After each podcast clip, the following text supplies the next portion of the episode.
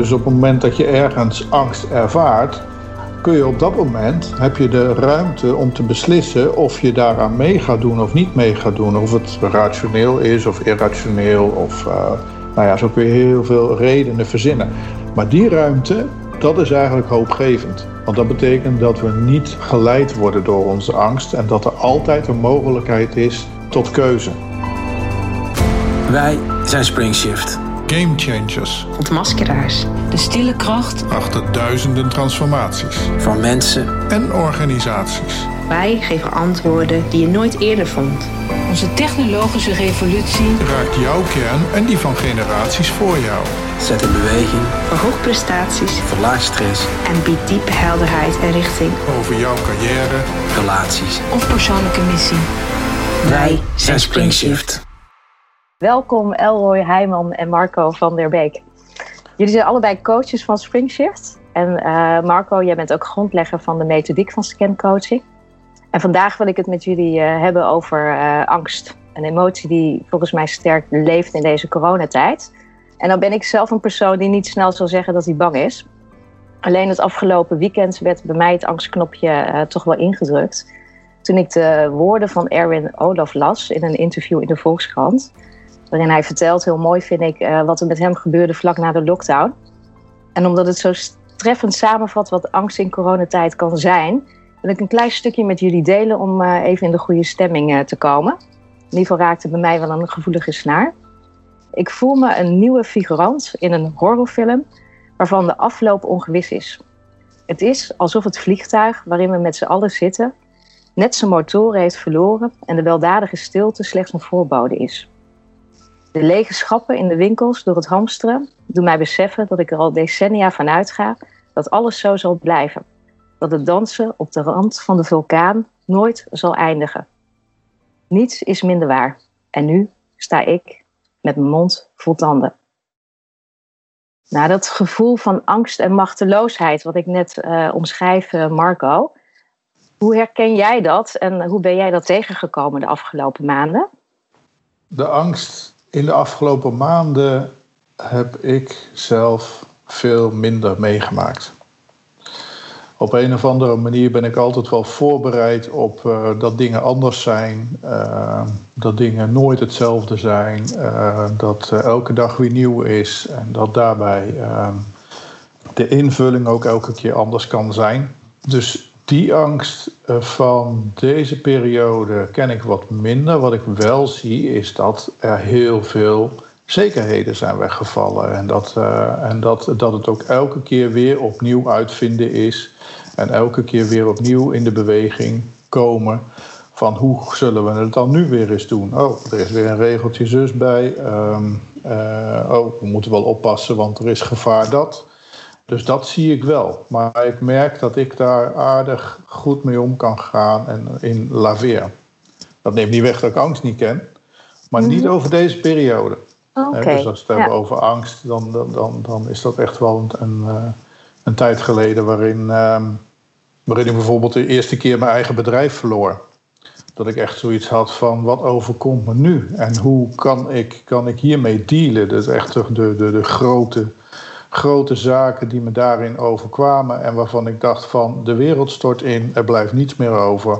En eh, wat moet ik dan nu? En dan kom je in een, soort overlevingsstrategie terecht waarin je ook niet meer helder kan denken. En dat is wat, eh, wat er op dat moment ook gebeurde. Dus, en sinds die tijd heb ik me eigenlijk ook voorgenomen, ja, wat kan er nou erger zijn dan dit? Ja, dus eigenlijk heb jij een soort van corona-shock al eerder gehad, denk ik, als ik dat zo hoor. Hè? Ja, Ja. precies. Ja, ja, ja. Kun je, want je hebt het over, eh, we hadden het over angsten. En eh, dat jij daar nu niet, eh, omdat je het al eerder hebt meegemaakt. Maar als we gewoon puur eens gaan kijken naar de, de angst, kun je me uitleggen wat het is en waarvoor het dient, Marco? Ja, angst gaat eigenlijk over eh, iets wat ons waarschuwt voor overleven. Dus we komen in een onbekende situatie terecht en het lichaam reageert, daar, eh, reageert daarop in een, eh, in een modus van: hé, hey, je moet nu wel heel erg gaan opletten. En dat kan een vecht- of een vluchtreactie zijn, dat is vaak het meeste wat we kennen.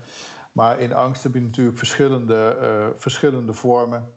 waarin je angst voor dood in een hele belangrijke is, waarin paniek uh, mee gaat spelen.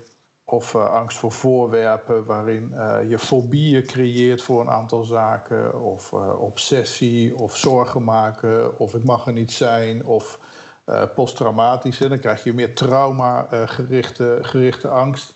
Maar alles is erop gericht dat je lichaam een bepaald programmaatje heeft lopen wat niet overeenstemt met de huidige realiteit. En dat je op dat moment een reactie van het lichaam hebt van oei, ik weet hier niet mee om te gaan. Nou, dat is eigenlijk de, de, de, de grote trigger van angst. Het overleven wordt aangetikt en het lichaam wil alleen maar overleven. Dus die gaat in een stand zitten dat het, dat het zichzelf gaat uh, beschermen. Oké, dus wat ik eigenlijk hoor is ook het, het onbekende waar dan je, je lichaam op uh, reageert. Klopt dat? Ja, deels is het het onbekende, maar deels ook het bekende. Hè? Dus je hebt, je hebt ook um, uh, trauma, is natuurlijk iets bekends.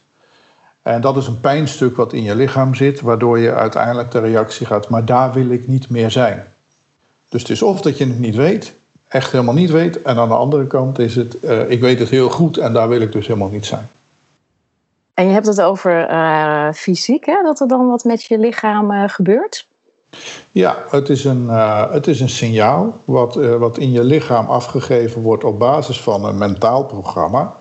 En dat lichaam dat gaat daarop reageren. En doordat het lichaam reageert, heb je ook weer een mentale reactie. Dus dat wordt een wisselwerking.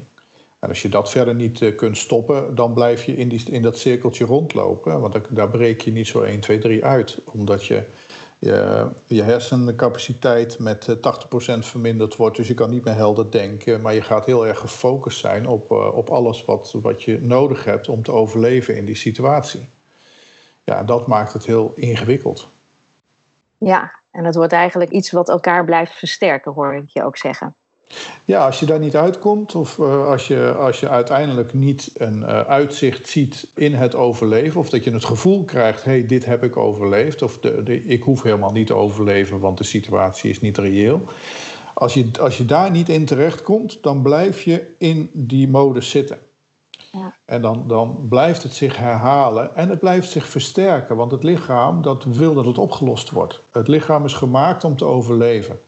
Als, als wij uh, zeg maar als de ziel niet in het lichaam zitten, dan, dan overleeft het lichaam echt wel. Want het, gaat echt, uh, het, zorgt dat het voedsel krijgt, het zorgt dat het uh, zuurstof krijgt en het zorgt dat het veilig is. Dat zijn, dat zijn gewoon de basisstukken die in het leven nodig zijn, alleen maar om het lijf staande te houden. En wij kunnen dat verder besturen, dus we hebben er ook nog een, een ratio-deel bij gekregen. Maar die stopt dus voor 80%, dat ratio. Ja, want als je het hebt over overleven, en dan kijk ik naar jou, uh, Elroy. Um, ik weet dat jij een hele zware longontsteking hebt uh, gehad. En doodziek bent uh, geweest. Um, kun je daar wat meer over vertellen? En dan ben ik eigenlijk benieuwd wat er in je lijf gebeurde, maar ook welke angsten er voorbij kwamen. En ja, misschien kun je ook wat vertellen met de boodschap die eronder heeft gezeten voor jou. Um, ja, tijdens het begin van de coronacrisis was het voor mij heel surrealistisch. Uh, in die zin uh, dat het uh, ja, iets is wat je eigenlijk niet onder controle hebt. En ik hou graag van controle. En er spelen twee dingen af. En enerzijds eh, heb je het onbewuste proces en het bewuste proces. Bewust was ik niet bang, maar onbewust blijkbaar wel. En ik was al weken aan het hoesten en ik ben zelf acupuncturist en niet zo van, van doktersbezoek of medicatie. Maar op een gegeven moment werd ik gedwongen tot een ziektebed. En ik weet dat ziekte een signaal is van, van, van je ziel. Eh, om te zeggen, er klopt iets niet. Er zit iets vast. En ik wist niet wat er, wat er, wat er vast zat. En uh, uiteindelijk in mijn ziektebed ben ik naar angsten gegaan, naar verdriet gegaan. En gevoeld wat er nou uiteindelijk speelt. En als je erachter komt, uh, dan kun je bepaalde dingen loslaten. Want het draait heel vaak om geloofsovertuigingen die je in je hebt. Dus als jij uh, geloofsovertuigingen verandert, dan verandert er ook gedrag. En als je gedrag verandert, dan veranderen de resultaten. En uiteindelijk eh, heb ik dat gedaan. Dus geloofsovertuigingen. Mijn overtuiging dat ik niet naar de dokter wilde, uh, was een foutieve overtuiging in dat, op dat moment. Uh, en op het moment dat ik dat, voelde uh, en ik de dokter belde en ik medicatie kreeg, knapte ik op. Dus de wantrouwen, angst, wantrouwen is ook angst. heeft mij uiteindelijk toen besluiten om, om anders, te, anders te handelen. Ja, ja. Omdat jij als acupuncturist uh, meer geloofde in je eigen lichaam, bedoel je, dan dat daar extern uh, medicijnen voor gebruikt zullen. Gaat het daar dan over? Ja, dat klopt. Ik was, ik was ervan overtuigd dat, dat als ik uh, wist waarom ik ziek geworden was, want meestal of bijna altijd is er een oorzaak van ziekte, diep in jezelf, het zijn signalen van je ziel. Op het moment dat ik dacht van, goh, als ik daaruit ben uit die puzzel, dan is, er, is er de oplossing. Maar ja. dat was eigenlijk, uh, eigenlijk andersom. En wat was voor jou de boodschap die eronder heeft uh, gezeten? Ja, de boodschap bij mij was, was dat er ergens nog heel diep van binnen uh, verdriet zat. Verdriet, wat uit uiteindelijk ook in angst, in woede. En als dat niet geuit wordt, dan stagneert er iets in je lijf. En op het moment dat je die, dat verdriet toelaat en hoesten um, is maar dat deed ik toen heel veel. Hoesten is eigenlijk ook blaffen naar de buitenwereld. En um, als we het hebben over angst, dan uh, uit angst zich heel vaak in woede. En als je die uh, woedende laag uh, kunt afpellen en kunt kijken naar de angst, dan kun je ook jezelf minder veroordelen, maar ook anderen minder veroordelen om hun angst of woede. Oké, okay, dus wat, wat heeft het je uiteindelijk opgeleverd? Vrijheid. En dat ik eigenlijk uh, nog meer vertrouwen heb in mezelf. Uh, maar ook meer vertrouwen heb in de wereld om me heen. Mooi. En, en is dan voor jou, uh, is angst eigenlijk altijd alleen maar ongezond als je daarnaar kijkt? Was dat denk, in jouw geval? ik denk dat angst, in, in mijn geval um, was het ongezond. Maar ik denk in het algemeen is angst um, soms ongezond en soms gezond. Um, ja, als je gaat kijken naar hoe het, hoe het vroeger was, uh, uh, angst kan echt uh, een, een adrenaline-effect in je lijf, lijf teweeg brengen, waardoor je echt in opperste staat van, van paraatheid bent. En dan heeft het daadwerkelijk een functie, want er is een crisis gaande. Maar zoals Marco net al zei, zei er moet een einde komen aan die crisis. onze mind houdt namelijk niet van losse eindjes. Dus als er geen einde komt aan de crisis door een actie of reactie van jou, dan blijft jouw lichaam in, in crisisstand zitten, terwijl er eigenlijk geen crisis meer is. En ja, dat is dan een lange termijn crisis die in je lijf gaat zitten. Ja, dus eigenlijk zeg je op korte termijn is angst prima, alleen het moet niet chronisch gaan worden, want dan, dan ga je daar problemen mee krijgen. En, en uh, angst kan ook, uh, ook niet logisch zijn, uh, gebaseerd op geloofsovertuigingen die eigenlijk niet waar zijn vanuit je omgeving of wat je zelf bent gaan geloven. Ja, ja dat is dan toch een mate van bewustzijn. Hè? Dus als dat uh, mee gaat spelen. Kijk, er, zit, er zit een. een uh, uh, die emotie van angst, wat jij zegt, is, is ook inderdaad niet altijd verkeerd, maar het, het is een signaal. Dus als we alle emoties ook blijven zien als een signaal, en tussen het signaal wat je krijgt en de reactie daarop, daar zit een ruimte. Ja. En daarin ben je altijd in control. Dus je hebt altijd de mogelijkheid om een andere stap te maken tussen uh, de, de trigger en de reactie daarop. En dat is met angst net zo. Dus op het moment dat je ergens angst ervaart, kun je op dat moment heb je de ruimte om te beslissen of je daaraan mee gaat doen of niet mee gaat doen. Of het rationeel is of irrationeel. Of uh, nou ja, zo kun je heel veel redenen verzinnen. Maar die ruimte, dat is eigenlijk hoopgevend. Want dat betekent dat we niet geleid worden door onze angst en dat er altijd een mogelijkheid is tot keuze. Ja, mits je uh, bewustzijn hebt dat wat speelt, uh, angst is, denk ik. Want wat, wat mij ook wel opvalt uh, in wat Elroy vertelt, um, is dat het zoveel verschillende vormen ook kan, kan hebben. Hè? Dat, um, tenminste, als, als ik even Erwin Olaf terugpak en wat hij vertelt, um, dan gaat het over hetzelfde. Het gaat over corona. Um, en waar hij uh, bang voor is, tenminste lijkt bang voor te zijn, dat is een stuk leegte. Terwijl ik in coronatijd eerder bang ben om um, in de drukte om me heen uh, mezelf uh, te verliezen. En, um, en ik zie mensen die bang zijn voor corona, terwijl jij zegt, Marco, dat het helemaal bij jou niet aan de orde is. Dus ik ben eigenlijk wel benieuwd waarom die beleving van angst dan ook zo verschillend is. Kun je daar wat meer over vertellen, Marco? Waarom dat zo verschillend beleefd wordt? Nou, die beleving heeft te maken met basisprogrammeringen. Mm-hmm. Je bent ergens het leven ingestapt met een pakketje van programma's. Uh, en al die programma's die lopen af en worden getriggerd door uh, allerlei elementen uit de buitenwereld. En voor de een uh, kan dat zijn dat je, dat je een enorm angst voor een bepaald voorwerp hebt. Geen idee waar dat vandaan komt, maar dat kan een programmering zijn die al over generaties ergens in je systeem zit, in je DNA. En dat komt dan ergens naar boven toe. En dan uh, denk je, ja, ik, ik, moet echt een, een niet in vliegtuigen stappen of zo. Weet je? Dus dat kan gewoon een bepaalde angst zijn die, die paniekstoornissen die je hebt uh, met, waarin die angst voor dood gaat spelen. Stel nou dat ik in deze situatie ga zitten en, en dit ga ik niet overleven of ik raak van alles kwijt. Dat zijn, dat zijn geprogrammeerde angsten. En net zo goed als obsessies en, en, en je zorgen maken. En dat mag er niet zijn. Dat zijn allemaal basisprogrammeringen die we mee hebben gekregen in dit leven. Die je uiteindelijk rijker maken omdat je bewustzijn gaat creëren op al deze programma's. Dus alle angsten die je ontmoet, die onbekendheden die je uh, mee gaat krijgen vanuit de toekomst en hoe je daarmee omgaat, creëert bewustzijn.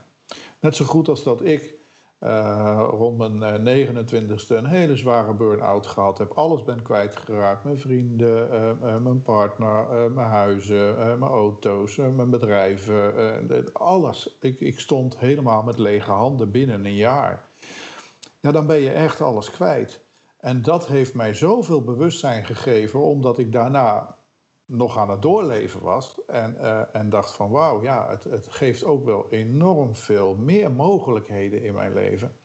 En dat stuk kan ik, kan ik nu één op één plakken op het hele corona-verhaal. Dan kan ik in de angst gaan schieten. Ah, ik ga dood. Nee, het blijkt alleen maar dood te gaan wanneer het mijn tijd is. En niet omdat iemand vindt dat ik dood moet. Of uh, ik kan enorm uh, obsessie gaan creëren voor dat ik mijn handen moet gaan wassen. En uh, dat, het, dat ik alleen maar kan overleven als ik mijn handen was. Dat zijn programma's die ook langzaamaan nu ingebracht worden in, in richtlijnen.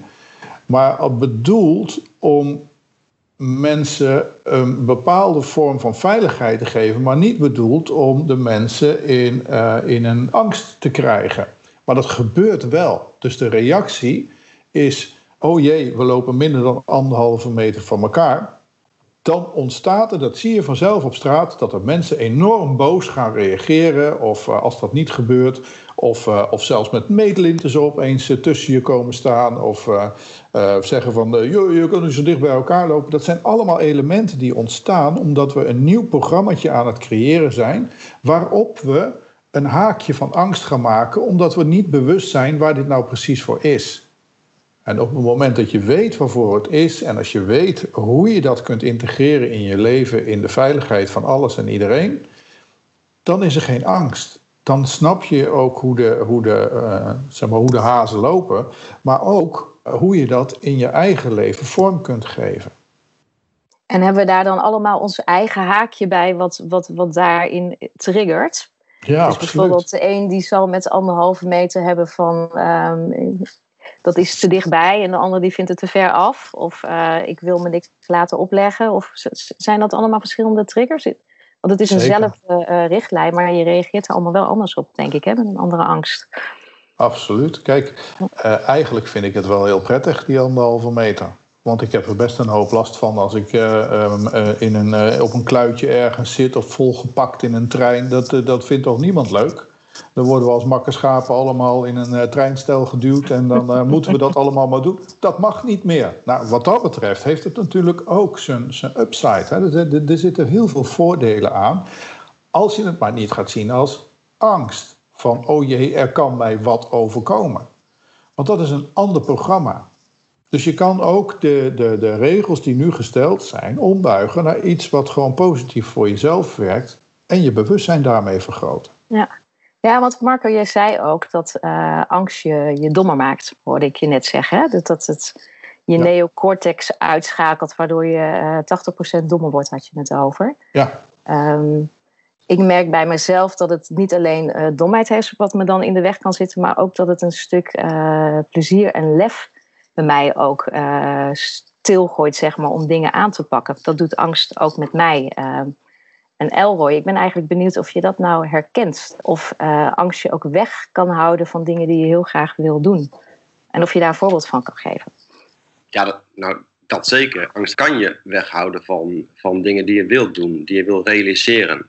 om even terug te komen op het stukje bewustzijn. Ehm, als we bewust zijn van waarom we angstig zijn, dus de vraag stellen: waarom ben je bang? En dan krijg je antwoorden en verdwijnt de angst vaak vanzelf. Want is het realistisch of is het niet realistisch waarom je bang bent?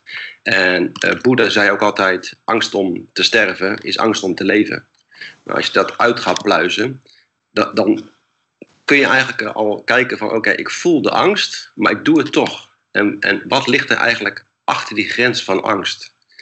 En als je daar uh, heen stapt, uh, dan overleef je vanzelf, want je overleeft toch wel. Maar je kunt je ook afvragen, is de angst uh, voor angst niet erger dan de angst zelf? Want wat lag er bij jou achter de grens van, van de angst? Wat kom je dan tegen? bij mij was het daadwerkelijk om ten volle te leven. Oké, ja. Ten volle. En dat betekent uh, niet bang zijn voor afwijzing van anderen, compleet jezelf zijn, losraken van je programmaatjes, zoals Marco al vertelde. En dat zorgt voor een vrijheid. En het zorgt er ook voor dat je, dat je angsten afnemen. En dat is op zich ook al fijn. Want het maakt je ontspannender, het maakt je blijer, het maakt je energieker. Angst maakt je niet alleen dommer, maar het maakt je ook, ook moe. Het maakt je uh, wat meer depressief, uh, het maakt je wat somberder. En het haalt je immuunsysteem naar beneden. Absoluut, zeker. Ja, dat, eh, dat, dat hebben we natuurlijk in de media gehoord. Iedereen heeft het daarover, het immuunsysteem.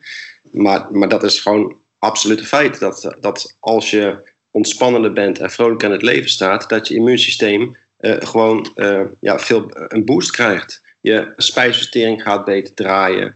Uh, je cellen nemen meer op. je bent ontspannender. Je parasympathische en je sympathische zenuwstelsel ontspant. dus alles bij elkaar ja, ben je gewoon veel gezonder. Ja, mensen die verliefd zijn, zijn bijna niet ziek, hè? Laten we allemaal weer al liefde verspreiden. ja, laten we dat alsjeblieft doen. Hè? Dat, dat is een hele mooie. Hey, en Elroy, bij, bij je cliënten, um, welke angstthema's kom je daar uh, op dit moment tegen? En welke vragen zitten daaronder? En, en ik ben ook wel benieuwd, hoe ga je daar dan mee aan de slag? Want wat je eigenlijk zegt is, ik voel het, hè, ik voel angst, maar ik ga het wel doen. Maar dan moet je ook best dapper voor zijn, denk ik. Dat is niet makkelijk. Of misschien voor sommigen wel. Ja. En dat is dus eigenlijk wat, wat we met, uh, met scancoaching doen. En dat is dat stukje bewustzijn verkrijgen op welke programma's draai je er eigenlijk vanuit je imprint en vanuit je kindbesluiten. En op het moment dat je daar ja, bewustzijn op hebt, dan kun je anders kiezen. Ik zeg altijd maar een bus die je niet aan ziet komen, kun je niet ontwijken. Dus je moet die bus ten volle aanzien komen, dan kan je opzij stappen. Um, op het moment dat we vrije keuze hebben, ja, dan gaat er een andere wereld voor je open. Um, en wat ik op dit moment heel veel zie, is echt angst om uit te spreken. Dus uh, die keelchakra, die, die, uh, om, om daar maar over te hebben, die zit op dit moment echt dicht. Mensen durven zich niet uit te spreken. En dat zie ik in mijn, uh, mijn sessies heel veel op dit moment. Ja, het zijn die onbewuste programmeringen hè, waar we last van hebben, wat ons uiteindelijk triggeren tot die angst. En dat is het mooie dat we dat uh, binnen SpringShift, dus met de technologie die we hebben, naar boven kunnen krijgen. En we zijn eigenlijk echt het enige systeem ter wereld wat dat kan. Hè? Dus we het mogelijk maken dat je je meest onbewuste programmering, wat ten grondslag ligt aan, aan al je beslissingen op dit moment in je huidige proces, dat we dat zichtbaar kunnen krijgen.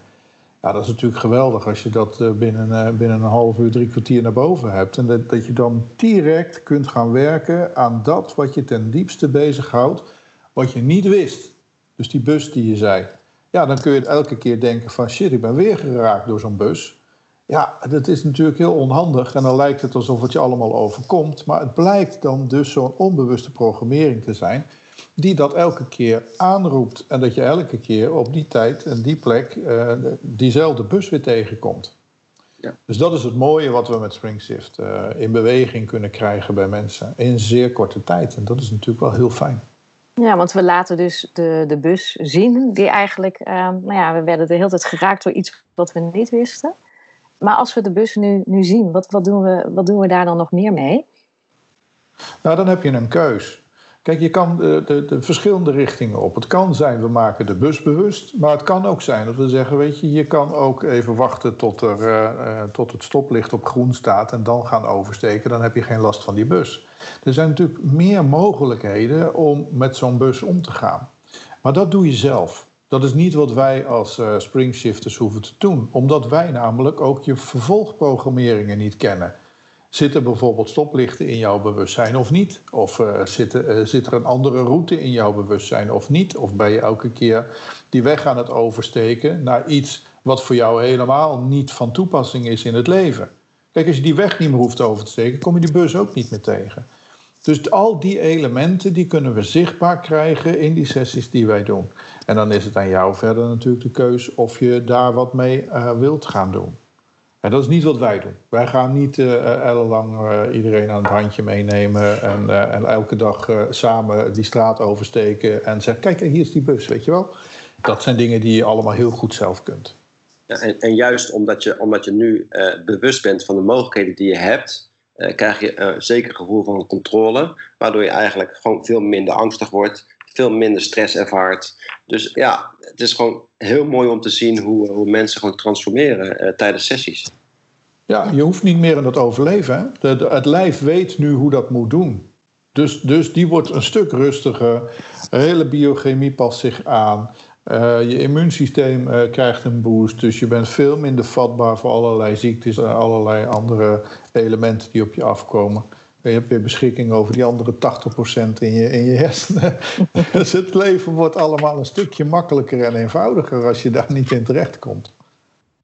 Ja, minder vanuit de overleving. Dus wat ik, wat ik jullie eigenlijk allebei hoor zeggen is dat het bij angst vooral belangrijk is, dat je je gaat afvragen waar ben je nou echt bang voor. En uh, dat we bij uh, uh, Springshift die, misschien die vraag niet eens zou hoeven stellen, maar dat dat gezegd wordt. Hè?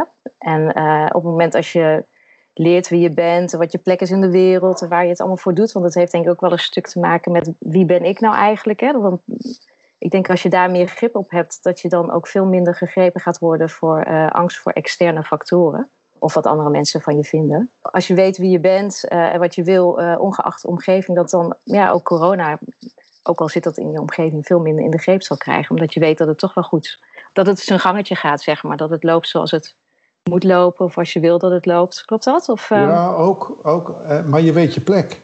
Ja, en dat is met je purpose natuurlijk heel belangrijk. Je zingeving. Waarom ben je hier? Op het moment dat je dat weet en je gaat dat doen, weten we allemaal dat als je erg doet waarvoor je hier bent, dan krijg je zo'n boost aan energie, dan ben je de angst voorbij en dan, dan is alle elementen die op je afkomen, zijn toevoegend aan wat jij hier te doen hebt.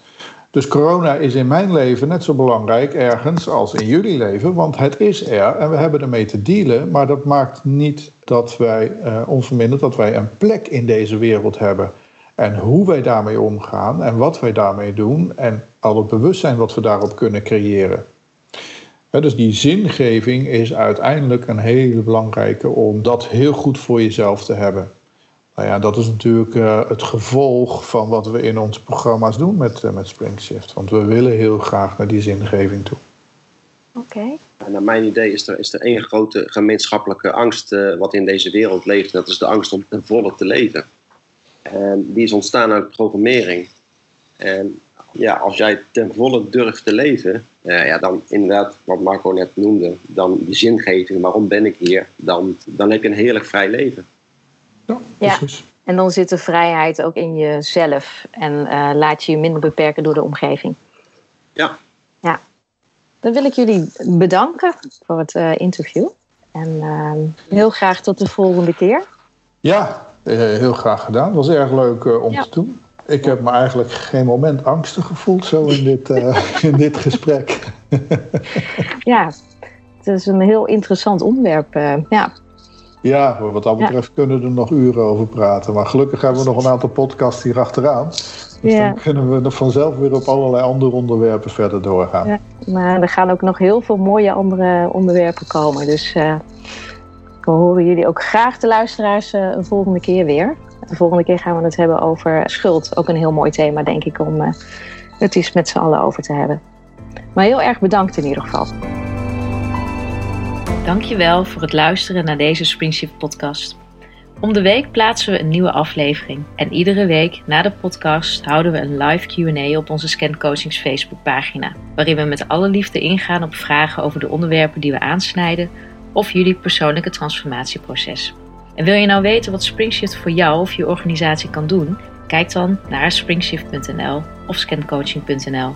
We hopen dat je de volgende keer weer naar ons luistert. Graag tot dan.